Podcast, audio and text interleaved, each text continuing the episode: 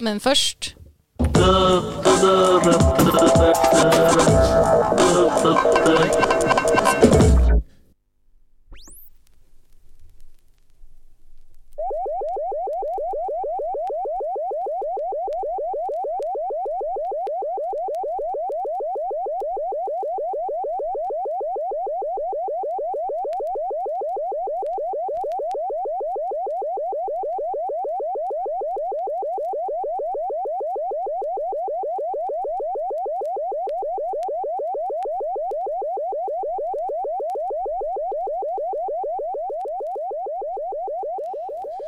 Uh, Mio...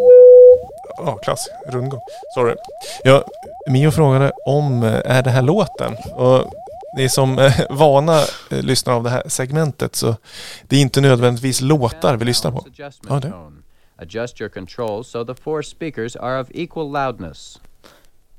Aha, vi fick lite svaret där va? Ja, jag tror jag vet vad det här är. Ja. Eller kanske, om jag får gissa. Ja, ja visst.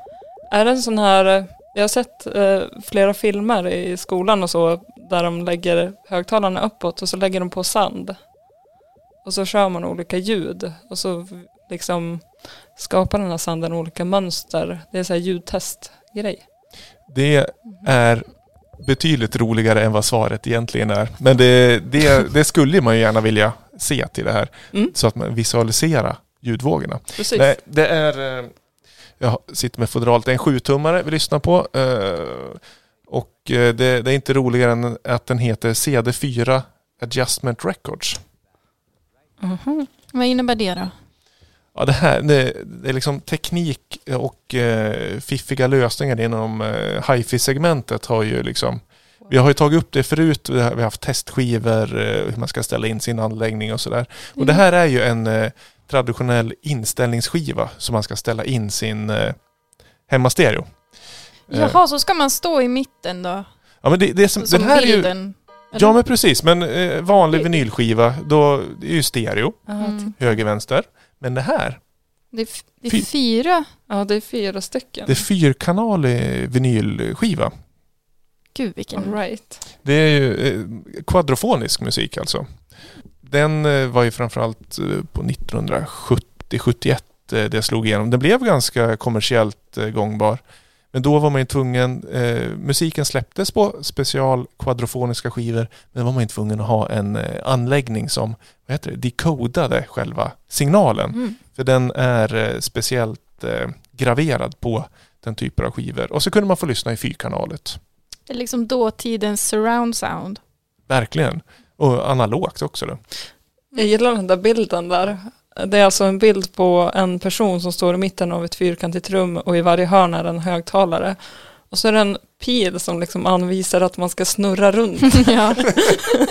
Jag tänker bara, men det här ljudet snurrar runt, man måste bli galen. Vore det inte lättare att flytta runt högtalarna runt istället? Mm. Så kunde man stå still mm. i mitten. Ja, det är sant. Mm. Ja, men eh, är, är det här smalt? Ja. ja. Ja, det är, den här tekniken används ju inte. Den heter alltså CD4 eh, enligt Wikipedia. Alltså inte att förväxlas, förve, förväxlas med eh, kompaktdisk som eh, slog igenom eh, lite senare. Men det var ju ganska många som... Eh, var, jag har ju förstått att hifi-anläggningen var ju liksom väldigt viktig del i hemmen för. Mm. Det var där man liksom eh, samlades kring. Var det fest? Ja, men då drog man på eh, grammofonen och liksom det här väljudande. Ja, mm. lite snabbt betyg. 1 till 5 i smalhet. Eh, fyra. Mm.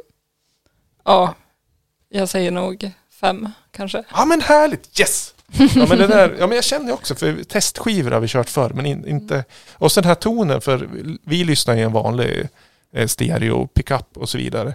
Så jag, jag, förstår liksom inte riktigt hur eh, den där signalen skulle, liksom, hur det låter ett fyrkanal, för det ska ju också vara någon burk som decoder. Och så vidare och så vidare. Mm. Ja, men roligt att ni, mm. ni gillade det.